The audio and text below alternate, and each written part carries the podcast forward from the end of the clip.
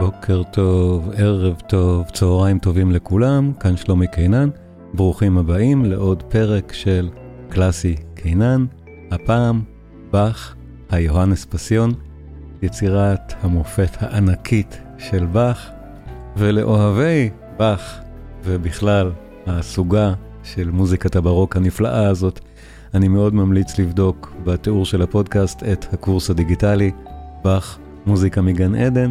יש שם כבר יותר מ-20 שעות של תוכן, וכל הזמן זה גדל ככל שאני מוסיף עוד ועוד הרצאות.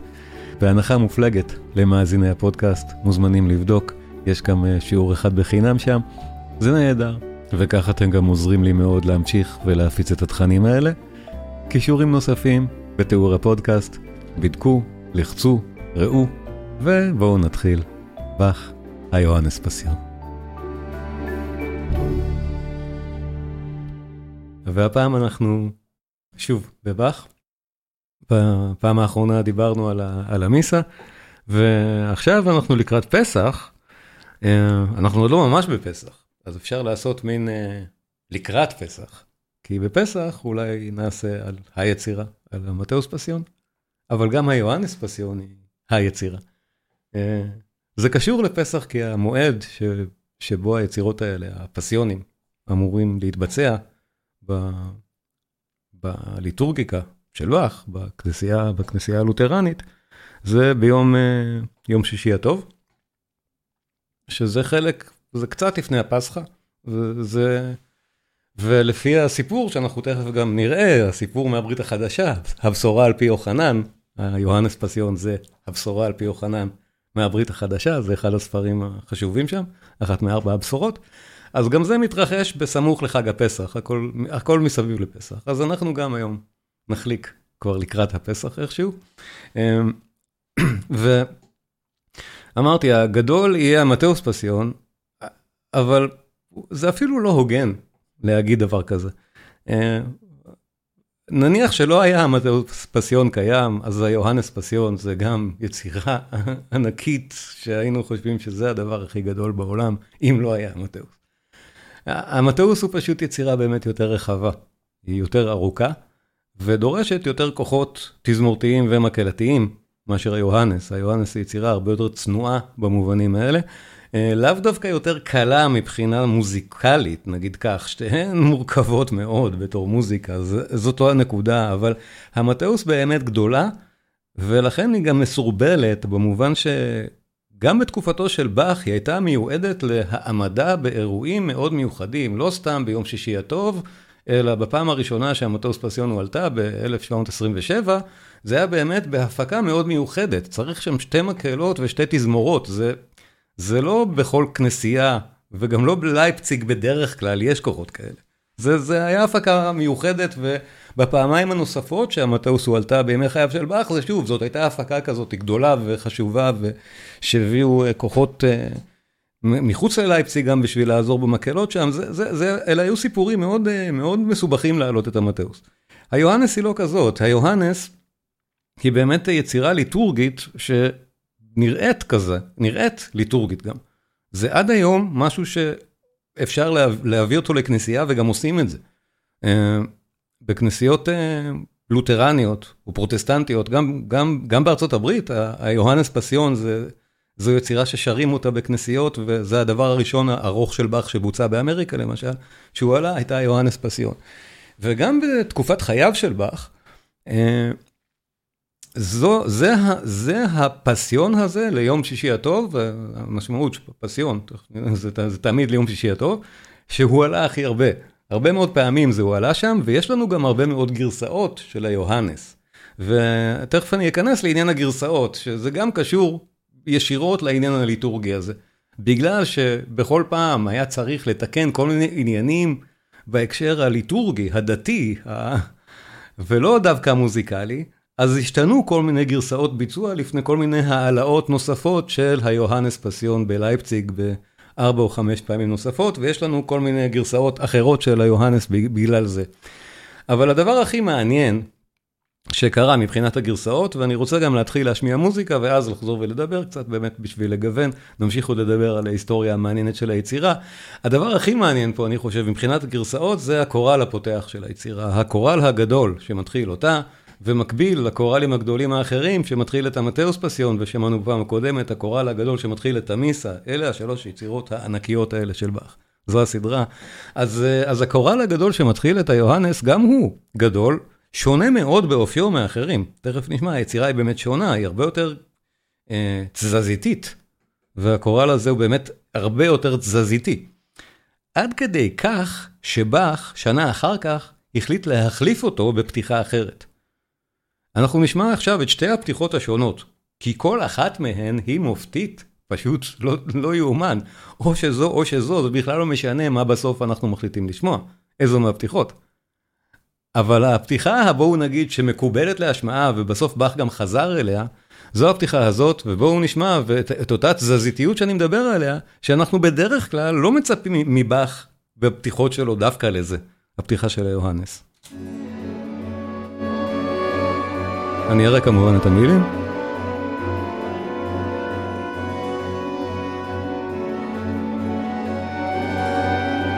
ההקלטה שאנחנו שומעים, של היוהנס, זה סוזוקי, אני עוד מעט אראה גם את ההקלטה, עם הקולגום יפן שלו, הקלטה שוב שהמלצתי עליה גם בפעמים הקודמות, אנחנו גם נשמע משהו אחר עוד מעט. עכשיו זה באמת מהקוראלים הגדולים, שמתחילים וסוגרים את היצירות האלה. יש לנו את הקוראלים הקטנים שיועדו גם לשירה של הקהילה עצמה, שמבוססים על לחנים שהיו מוכרים לקהילה, אבל זה לא אלה, זה לא הגדולים האלה שפותחים וסוגרים את היצירות. אלה לחנים של באך שהמקהלות שעומדות על הבמה שרות אותם. שימו לב, זו מקהלה אחת, זה לא שתיים. במטוס פסון יש לנו שתי מקהלות, וגם שתי תזמורות. מאזיני הפודקאסט שלא רואים את הטקסט מוקרן על המסך, אני מקריא את הטקסטים של הקוראלים ברציטטיביים, אני רק אספר מה הם, אי אפשר להקריא את זה על המוזיקה, אבל כאן אפשר. המילים Lord our ruler, whose glory is magnificent everywhere. Show us through your passion that you, the true Son of God, at all times, even in the most lowly state, are glorified.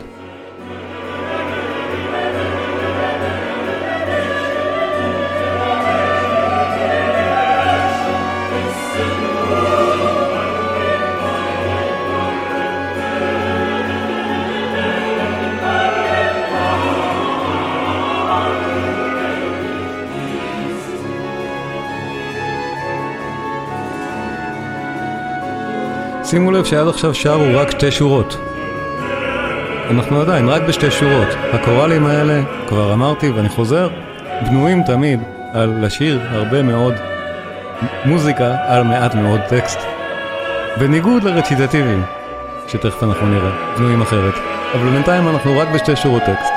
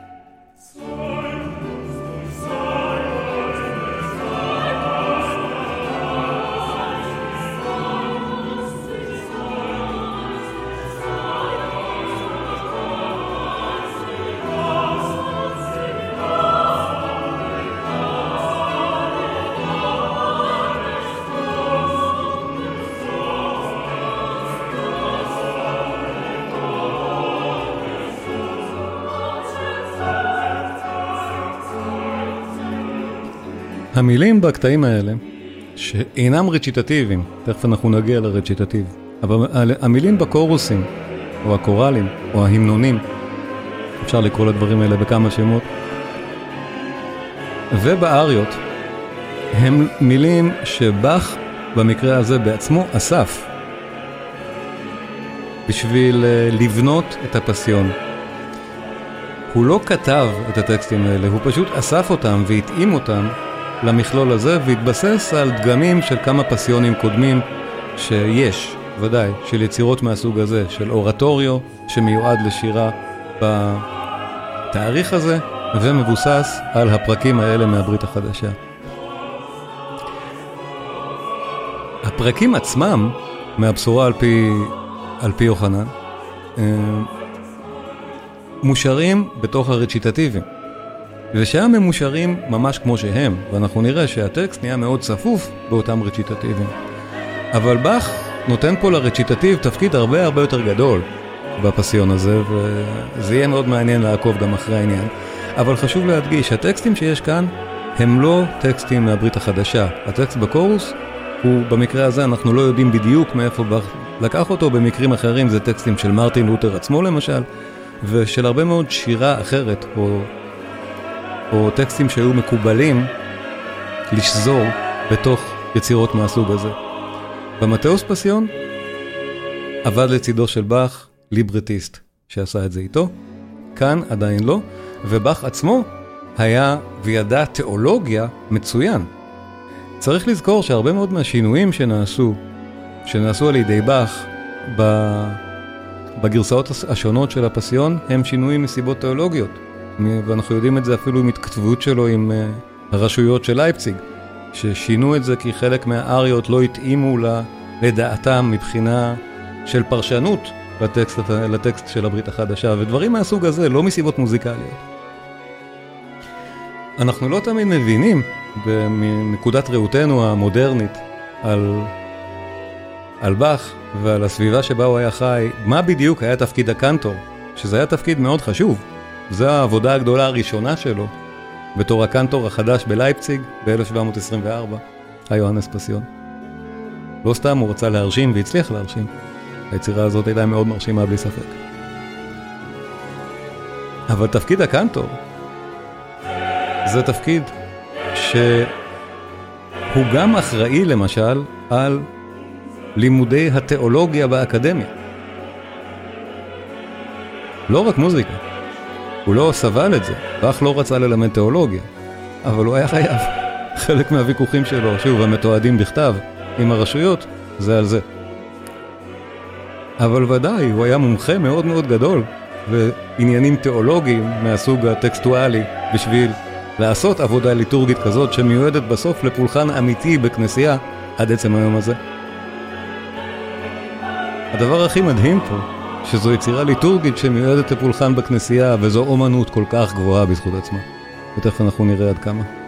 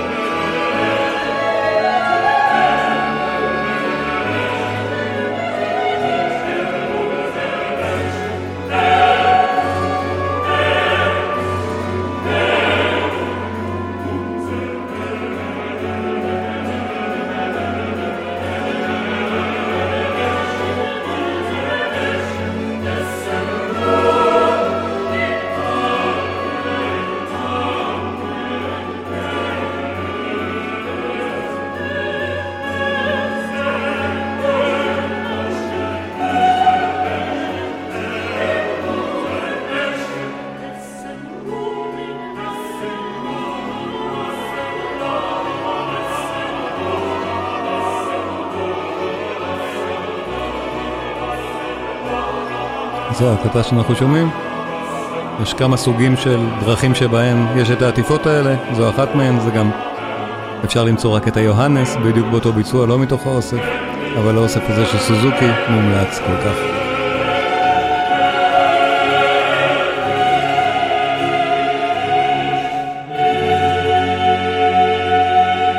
אז זו הפתיחה. הופ, צריך אה, לסגור מיקרופונים. זו הפתיחה המפורסמת, או לפחות המקובלת, של היוהנס פסיון, וגם באך בסוף חזר אליה.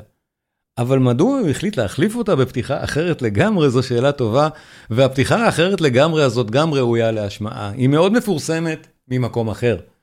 בסופו של דבר, באך ויתר עליה ביוהנס פסיון, אחרי שהיא הועלתה כבר על הבמה בלייפסיק בפעמיים, או פעם אחת או פעמיים, אנחנו לא בדיוק יודעים, ואז הוא ויתר על הפתיחה הזאת וחזר לפתיחה ששמענו עכשיו. אבל שימו לב, הפתיחה השנייה, בגלל, בגלל שבאמת יש חופש לבאך לבחור איזה טקסט בעצם שהוא רוצה, פרט לברית החדשה, שהוא צריך להיצמד אליה ברציטטיביים, בקוראלים הוא יכול הרי לבחור בעצמו, כבעצם הליברטיסט כאן, או עורך הטקסט, מכל מיני מקורות אה, מהסוג הזה, של שירים של לותר וכולי.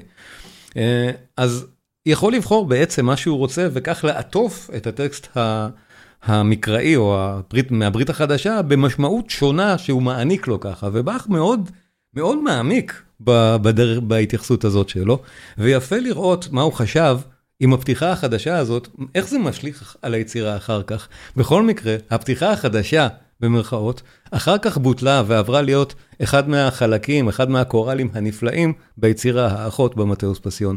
אבל באך רצה לפתוח את היוהנס אולי עם זה. וזה אחר לגמרי ממה ששמענו קודם.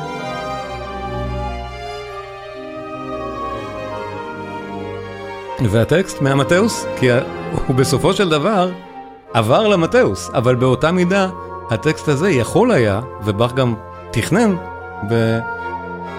בתקופה מסוימת, לפתוח את זה עם הטקסט הזה. אופ.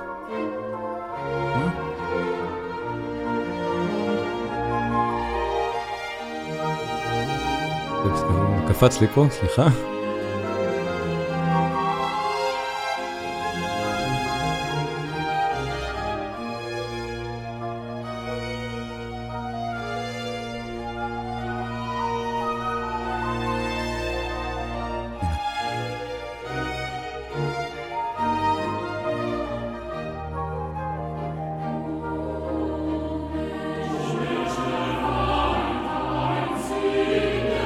נסו לדמיין את זה בתור הפתיחה של היוהנס, במקום מה ששמענו עכשיו.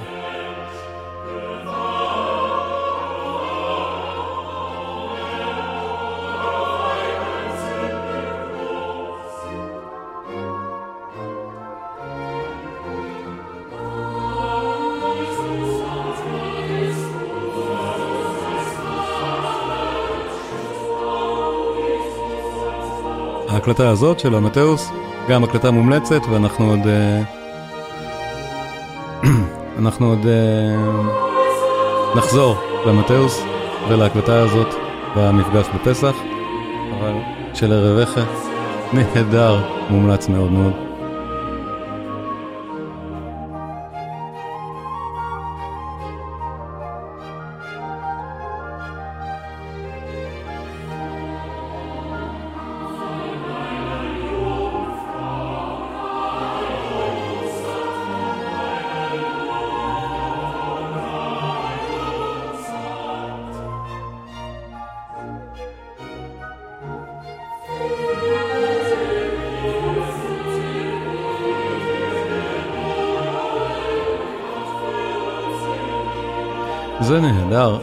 המוזיקה הזאת פשוט נפלאה כך או כך.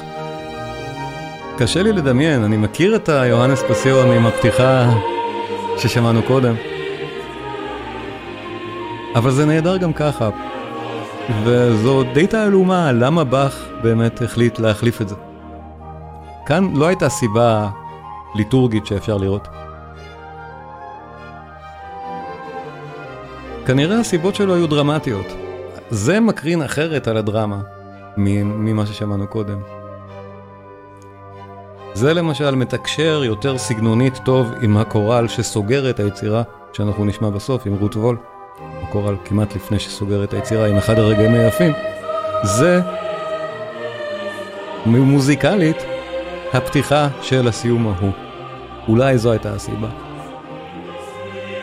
אבל כך או כך, שני הקטעים האלה הם נפלאים. כל אחד בזכות עצמו.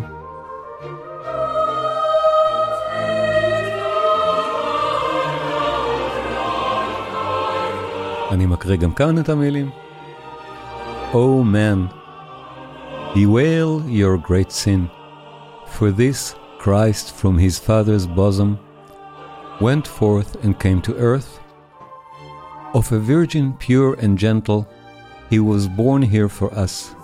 He was willing to become the mediator. To the dead he gave life, and in this way put aside all illness until it came to the time that he would be sacrificed for us.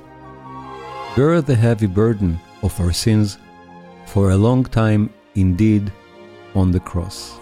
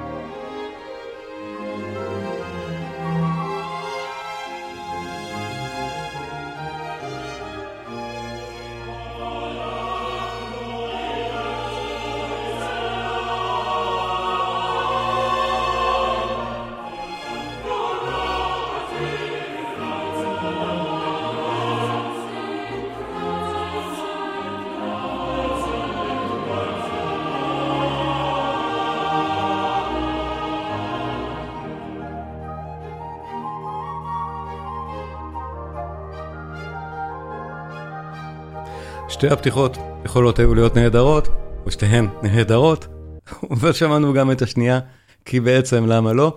ואין לנו הרבה קוראלים כאלה. היוהנס היא באמת יצירה יותר קטנה. הקורל הגדול, השני, יהיה בסוף. אין לנו כמו במטאוס פסיון את החלק הראשון של היצירה נסגר על ידי עוד קורל גדול. זו באמת יצירה יותר צנועה, יותר קטנה, עדיין מאוד מאוד גדולה במושגי ברוק, נגיד ככה. היוהנס פסיון היא יצירה מאוד גדולה בעצמה, ובואו נעבור על עוד כמה קטעים מתוכה, ודאי שלא על כולה. אמרנו, הז'אנרים השונים זה קודם כל הקוראלים האלה, ויש את הרציטטיבים. עכשיו, הרציטטיב בדרך כלל יהיה משהו שבאמת אה, מולחן בסגנון עתיק, ואנחנו יכולים אה, לשמוע את זה בצורה די בולטת. ברגע ששומעים את הסגנון הזה מתחיל להיות מושר, אנחנו שומעים שזה סטייל אחר. סטייל שהולך אחורה לרנסאנס ולימי הביניים, אבל באך מטבל פה את אותם רציטטיבים בהרבה מאוד קורוסים קטנים, קטעי מקהלה ותזמורת, שבאמת לא מחויבים להיות שם, אבל הוא עושה את הכל באמת כמלחין אופראי לגמרי, זה נשמע כמו אופרה, עם עלילה, האמת, מאוד מרתקת, כי העלילה היא שני הפרקים, שיא הדרמה של הבשורה על פי יוחנן. באמת שני הפרקים שבהם, פרק 18 ו-19, שבשיאם ישו נצלב, זה זה, זה זה, כל הדרמה עם יהודה איש קריות, כל זה קורה פה. ו... וזה באמת דרמה היסטורית חזקה, ובאך בכל האמצעים המוזיקליים העומדים לרשותו יודע לעשות את הדבר הזה. אנחנו לא, כמובן לא נשמע את הכל, אבל לדוגמה, אפילו הרציטטיב הראשון, אחרי שהקורל הושר והיה, ולא משנה אם זה זה או האחר, זה מתחבר מצוין לתוכן שאנחנו שומעים עכשיו, ושימו לב, הרציטטיב שונה לגמרי ממה ששמענו בסגנונו מהקורל, הוא מבוסס על, על uh, כתבי הקודש. הנוצריים, ולכן uh, הטקסט פתאום נהיה הרבה יותר צפוף, צריך ממש לקרוא אותו על המילים, ואנחנו נשמע איך כל מיני דמויות מדברות בתור דרמה, כמו באופרה, ואיך המקהלה שרה בתוך אותו רציטטיב. בואו בוא נשמע ונראה את זה. הרציטטיב שאנחנו שומעים עכשיו, עניינו באמת על התיאור של אה, ישו uh, בנחל קדרון, יהודה איש קריות מספרים לנו שהוא בוגד בישו, ובאים לעצור את ישו. ואנחנו שומעים את המקהלה שרה, זה ישו מנצרת. ג'יזום וון נזרת.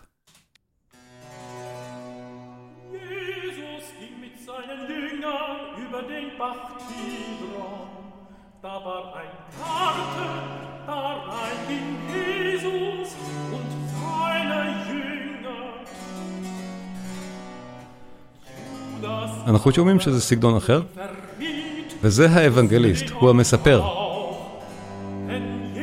וזה התרגום הלותרני של הברית החדשה, בדיוק כמו שהוא. לטקס ליטורגי.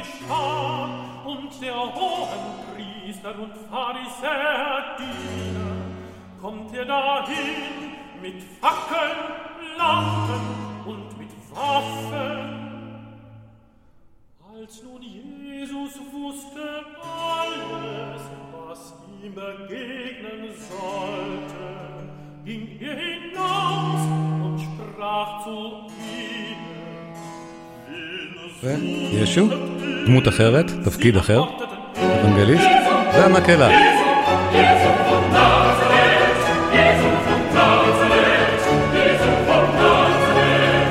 אפשר לזכור את המשפט המוזיקלי הזה, הוא יחזור המון פעמים בדרמה, אבל הרציטטיב, באמת,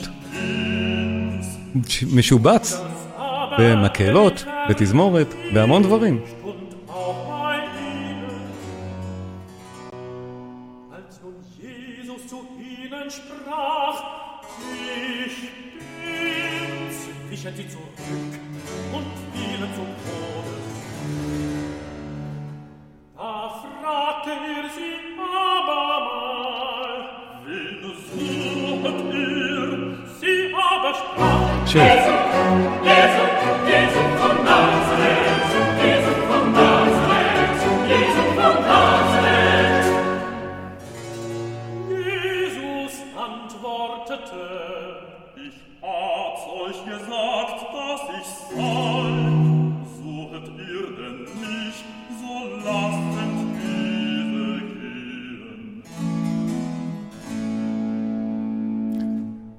אלה הרציטטיביים, ופה באמת זה לא בדיוק כמו שאנחנו רגילים לרציטטיביים, כי הם משובצים בכל הקטעי מקהלה הקטנים האלה, בכל הדברים האחרים, שבדרך כלל אין ברציטטיביים, אבל באך כל הזמן ביצירה הזאת עושה את זה, שוב, מטעמים דרמטיים, וראינו כמה זה אפקטיבי.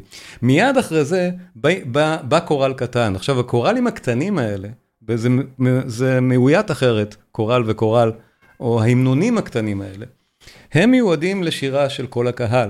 עכשיו, זה, הקונבנציה היא ברורה, הקהל גם הרבה פעמים מכיר את המזמורים עצמם, שוב, חלקם אפילו של לותר עצמו. אה, באך הרמן את זה, והטקסטים ידועים לקהילה, הלחנים ידועים לקהילה, והם שרים את זה בארבעה קולות, בהנחיית אלה שנמצאים על הבמה, ואת הדברים האלה באמת, הקוראלים הקטנים, קשורים שוב לטקסט שבדיוק שמענו עכשיו, הם מתקשרים איתו. ואלה דברים שבאך החליט לערוך פנימה, כי הם מתאימים לעלילה ולעניין. אז כל הקהילה עכשיו יושבת או קמה ושרה את זה.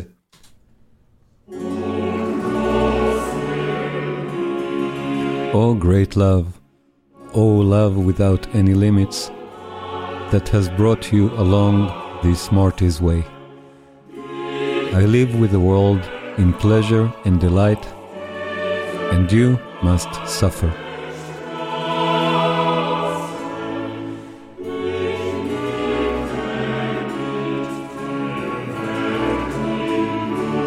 אנחנו ממש יכולים לראות כמה כל הברה פה מולחנת באופן מאוד קל למעקב ולשירה של קהל. וזה קורה, שוב, המון פעמים במהלך הפסיון. גם אחרי הרציטטיב הבא, אנחנו מיד מגיעים לעוד קורל מאוד קל, שוב, יחסית לקהל של כל הקהילה שם ששר את זה, יחד, יחד עם המבצעים על הבמה. ושוב, שימו לב כמה זה כתוב בדיוק באותה צורה, שיהיה קל לשיר. May your will be done, Lord God, both on earth as in heaven. Grant us patience in time of sorrow, obedience in love and sorrow. Restrain and guide our flesh and blood that acts against your will.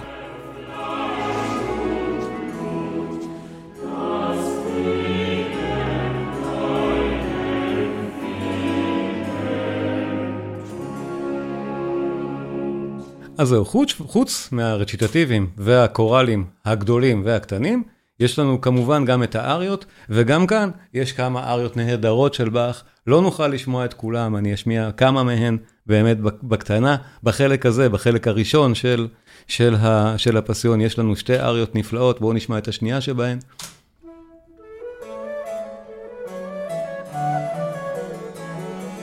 שוב, האריות טקסטים שבאך עצמו החליט שיכללו, שמאוד היו מקובלים בפסיונים של התקופה. העריכה היא של באך.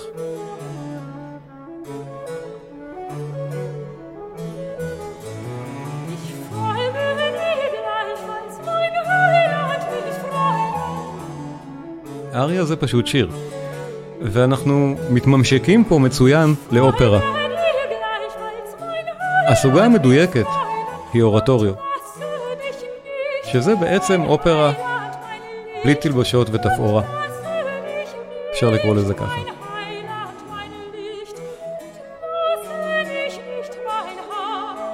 וביצירות האלה של באך אפשר לראות איזה דרמטורג נהדר הוא היה. אבל עיסוקו בכנסייה, הלותרנית ודאי, לא אפשר אופרה.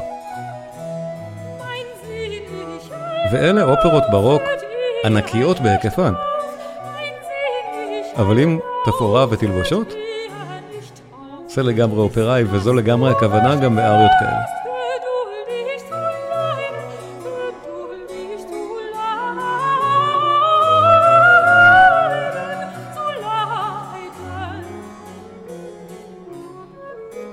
I follow you likewise with joyful steps, and do not leave you, my life, my light. Bring me on my way, And do not cease to pull, push, and urge me on.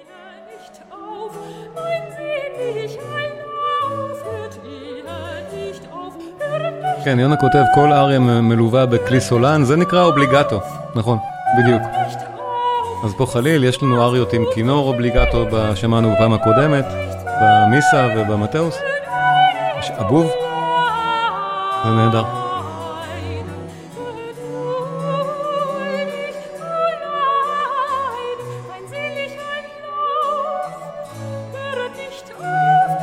עכשיו ברור, הקוראלים והאריות הם מהווים את ההפסקות האלה בין הרציטטיבים.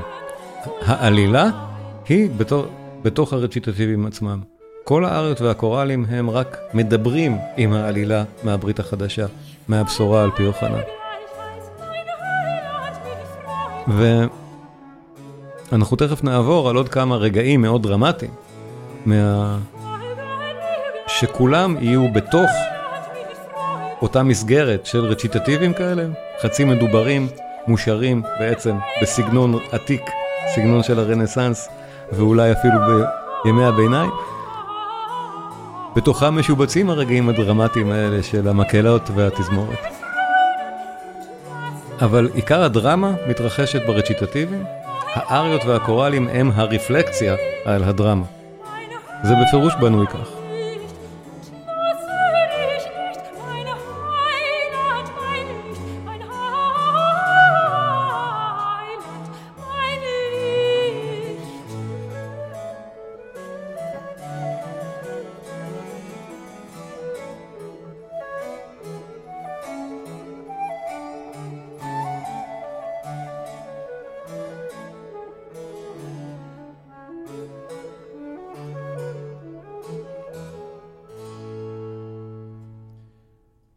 ובאמת, יש עוד המון רגעים נהדרים ביוהנס ששווה מאוד לשמוע, ואני ממליץ לכולם להאזין אחרי, אחרי המפגש שלנו, אבל אני באמת רוצה לעבור עכשיו לחצי השני של היוהנס. מדובר שוב בטקס, בטקס uh, שקורה ביום שישי הטוב.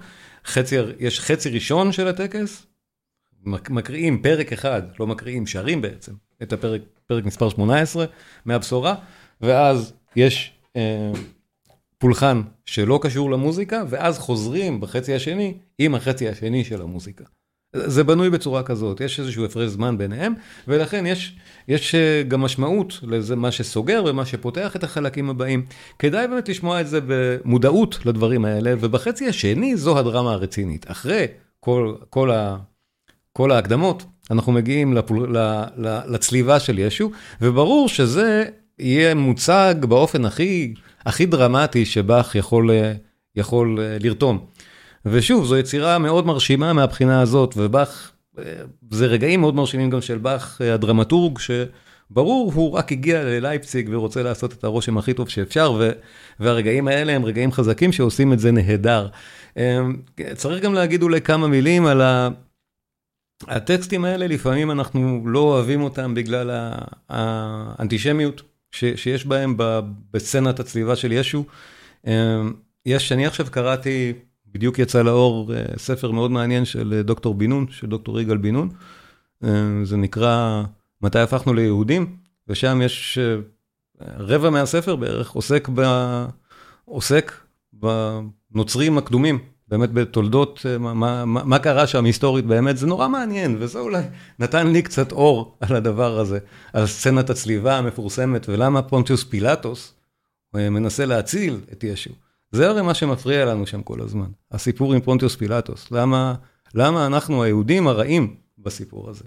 עכשיו, ברור שבאך בעצמו לא אנטישמי משום סוג, הוא פשוט מלחין פה את כתבי הקודש, אבל יאמר לזכותו של באך, שברגעים שהוא יכול לבחור איזה תכנים להכליל, כשזה לא מולחן בדיוק מהטקסטים של הבשורה על פי יוחנן, שהם באמת לא נראים אולי כל כך טוב, כשהוא בוחר באיזה אריות או קוראלים לכלול, שאלה טקסטים שיש לו שליטה עליהם, שום דבר שם לא עוסק בכלל בנושאים האנטישמיים מהסוג הזה, בניגוד להרבה דברים אחרים מהתקופה. באך היה כנראה באופיו גם די הומניסט, וזה בכלל לא העסיק אותו. אז אולי נשמע גם קצת מהם, אם יהיה זמן, בדברים שהם אריות או קוראלים שם, ובאמת נראה שאין את זה. אבל ודאי שהדבר הזה נמצא בדרמה הדי מורכבת שיש לנו כאן, בסיקוונס הזה, שמוליך, שמוליך לצליבה של ישו. וכאן אנחנו שומעים את השיחה המפורסמת בין ישו לבין הנציב הרומי, פונטיוס פילטוס, שבסופה אנחנו אמורים להבין שפילטוס רצה לחון את ישו, אבל היהודים דרשו את צליבתו. הקורוס כאן, גם באמצע הרציטטיב, משובצים לנו כל מיני קורוסים קצרצרים שאומרים, שחרר לא את ישו, אלא את בר אבא, שנקרא כאן בר אבם. זה עניינו של הרציטטיב שאנחנו שומעים עכשיו.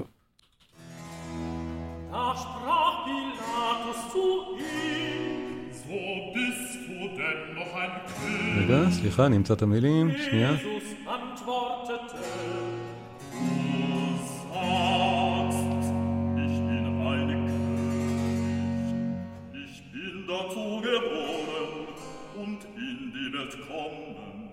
dass ich die Wahrheit folgen soll.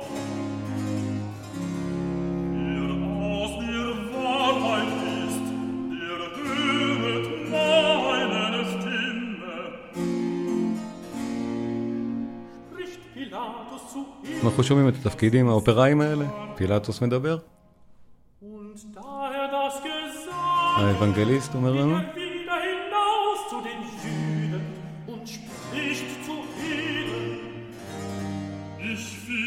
ואז פילטוס אומר, אני לא מוצא שום דבר לא בסדר, I find no fault in him. אז למה באמת כותבי הברית החדשה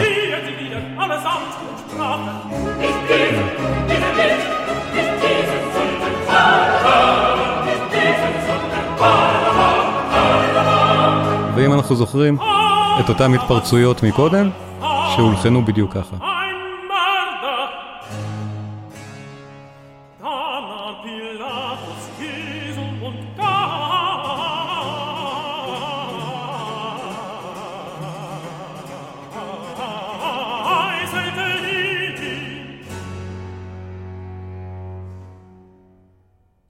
אז זה באמת האופי של הדרמה, שבין הדבר, הדבר הזה לחלק הבא בדרמה, יש לנו אריה שבאמת מקוצר זמן אני אדלג על החלקים האלה שבין לבין בשביל להמשיך בעניין הדרמטי פה שבאמת הולך וסוער, אבל צריך לדעת שזה משובץ, אנחנו לא ישר בהמשך, אלא יש בין לבין עוד אריות, עוד קוראלים, ואז אנחנו ממשיכים ב, בסיפור.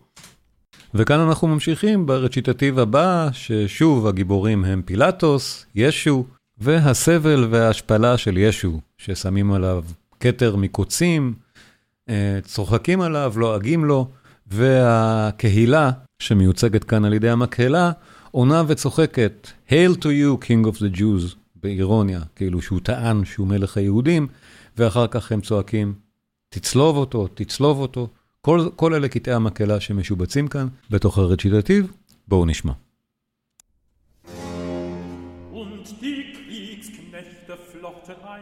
Krone von Dornen und satzte sie auf sein Haupt und legten ihm ein Purpurkleid an und sprachen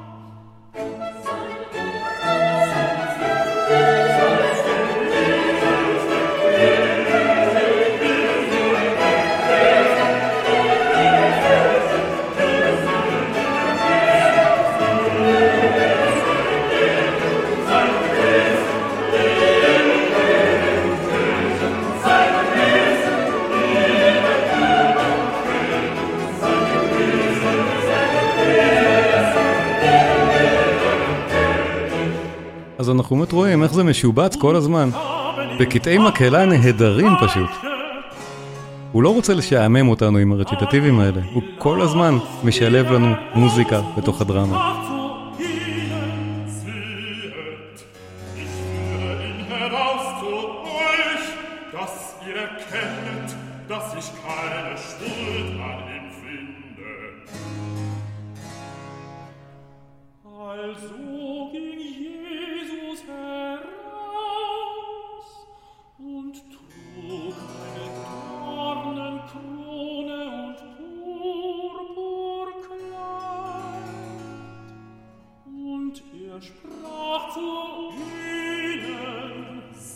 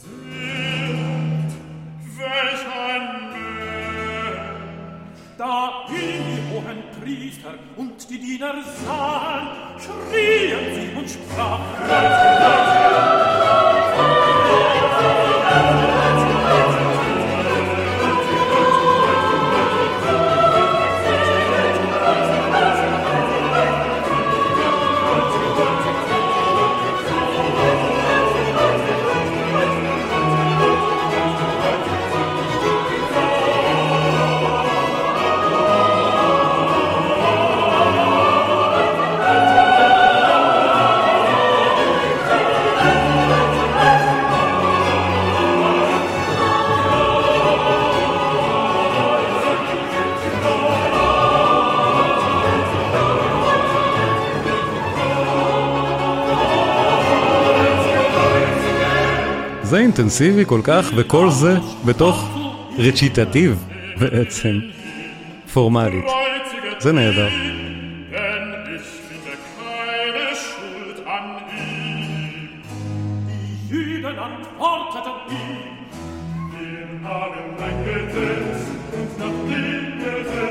זה לא מפסיק. הדרמה ממשיכה בכל הכוח.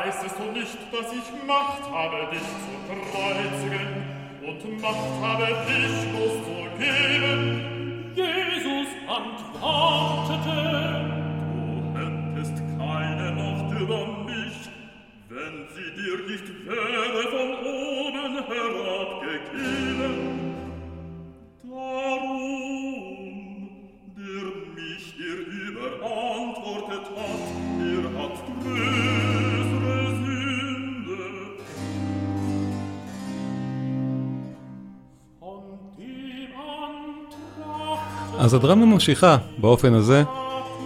יש לנו עכשיו מיד קורל קטן, שוב, שאחריו אנחנו חוזרים לדרמה. וכך זה באמת בנוי, אנחנו מפסיקים מהרציטטיביים, שרים קורל או אריה, כמו שהיה קודם, זה מה שמחבר את זה.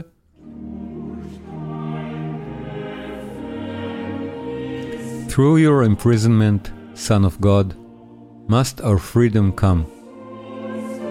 Your prison is the throne of grace, the refuge of all believers. If you had not accepted slavery, our slavery would have been eternal.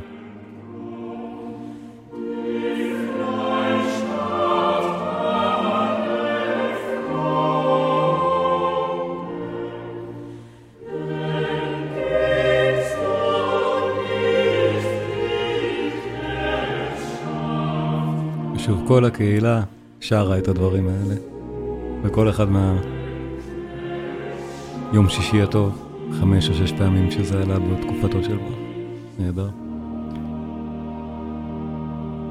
ואז באמת, אני מאוד ממליץ להקשיב גם להמשך של הדרמה עד, סל... עד סליבתו של ישו ולדרך הנפלאה שבה באך שוזר את הדברים האלה, את הרציטטיביים בתוך האריות, את הטקסטים מהברית החדשה, פר אקסלנס לבין הטקסטים האחרים שיש שם, ואיך הוא באמת הדרמטורג למעשה, שעושה את כל הדבר הזה, וזה עדיין טקס פולחני שלם מאלף ועד תו, שיכול להיכנס בעצם לכל, לכל כנסייה אה, פרוטסטנטית או לותרנית עד עצם היום הזה, כמו שהוא. זה נהדר. אה, הקטע, אני חושב, הכי מרגש, נגיד ככה, זה, זה הקטע הסוגר. שמענו עד עכשיו באמת יצירה שהיא מאוד, אה, מאוד אה, סוערת יחסית, נגיד, לדרך המופנמת שבה מתאוס פסיון מתבטא. פה היצירה היא באמת סערה גדולה. והקורל הסוגר, הקורל השני הגדול, הראשון זה מה שאמרנו, בך חשב להחליף אותו אולי במשהו יותר עדין, יותר מעודן, כנראה בשביל להתאים אותו והקורל הסוגר היותר מעודן, שזה אחד מהגדולים והיפהפיים של באך לדעתי בכלל. אה, זה לא סוגר את היצירה כולה. אחריו יש לנו עוד קורל קטן שהקהילה צריכה לשיר. אבל זה למעשה הדבר השני, אם אנחנו מסתכלים על זה כיצירת מוזיקה ולא כיצירת פולחן כנסייתי, זו הסגירה, זה סוגר את אותו מעגל מוזיקלי שהתחיל בעמוד הגדול של הקורל הגדול הראשון, פה יש לנו את הקורל הגדול השני, רות וול, אחד מהרגעים באמת הכי יפים של באך בכלל.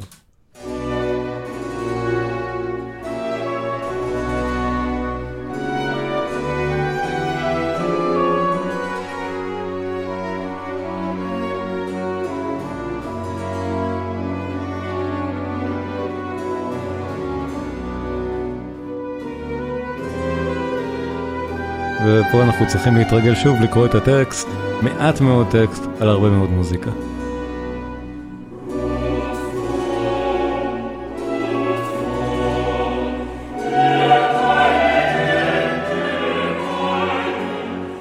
Rest in peace, you sacred limbs. I shall weep for you no more. Rest in peace and bring me also to rest.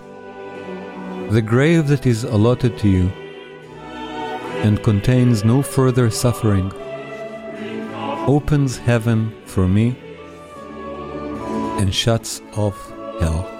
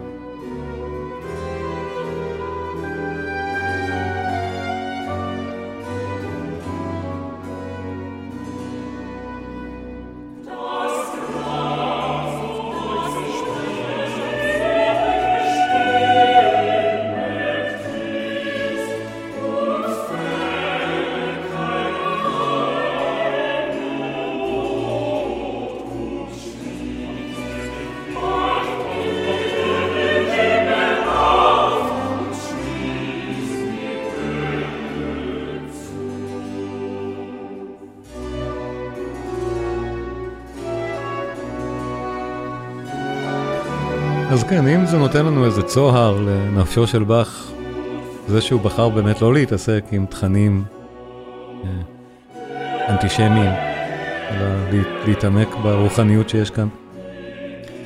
אז כן, זה יצירה נהדרת. פשוט היוהנס פסיון זה אחת מהיצירות מופת הכי גדולות בתולדות המוזיקה המערבית בכלל, ואם לא הייתה את, היוהנ... את המתאוס, אז אנחנו היינו כנראה אומרים זו, זו, זו היצירה יחד עם המיסה. פשוט נהדר.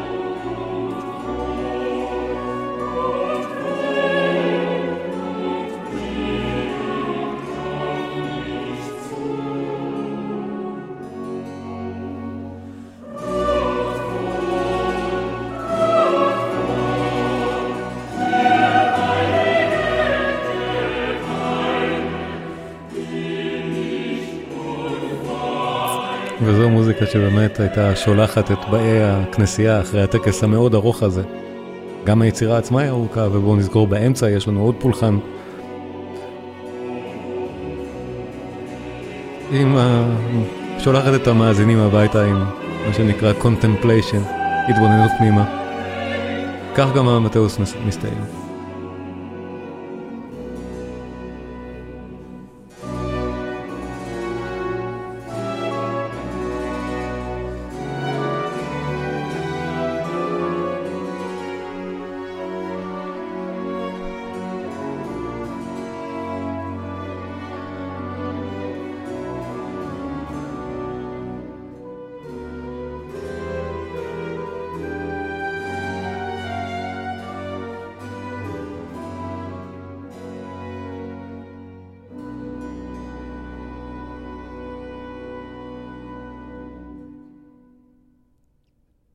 באך, יוהנס פסיון, תודה רבה לכם. לפני שנפרדים, תנו לי לספר לכם על הקורסים הדיגיטליים שנמצאים כבר ברשת. קלאסי קינן, הקורסים הדיגיטליים של שלומי קינן. הקורסים מיועדים לחובבי מוזיקה מעמיקים שרוצים לדעת יותר. המפגשים מועברים בלשון בהירה וקלה, בלי צורך בקריאת תווים או השכלה מוזיקלית. השיעורים כוללים גם המלצות על ביצועים והקלטות של היצירות. בכל קורס יש שיעור פתוח אחד לצפייה ללא תשלום, מה שאומר שזה שווה אפילו אם אתם לא רוצים לשלם עליהם, יהיה לכם שם תוכן לראות בחינם. הקורסים שכבר יש, באך, מוזיקה מגן העדן. עמדאוס, המוזיקה האלוהית של מוצרט. מבוא למוזיקה של ריכרד וגנר. בטהובן, העוצמה והיופי. וחדש, מאלר, המשורר הסימפוני. כל אחד מהקורסים האלה יותר מ-15 שעות, וכל הזמן מתווסף גם עוד חומר. הקורסים עצמם דינמיים, ואני מוסיף להם הרצאות נוספות ככל שאני בעצמי עורך אותם. אז זה כל הזמן גם משתפר ומשתדרג. מי שמעוניין לבדוק, הקישור נמצא בתיאור של הסרטון בו אתם צופים עכשיו. אני מזכיר לעשות subscribe, לעשות לייק, ואנחנו נשתמע בפעם הבאה.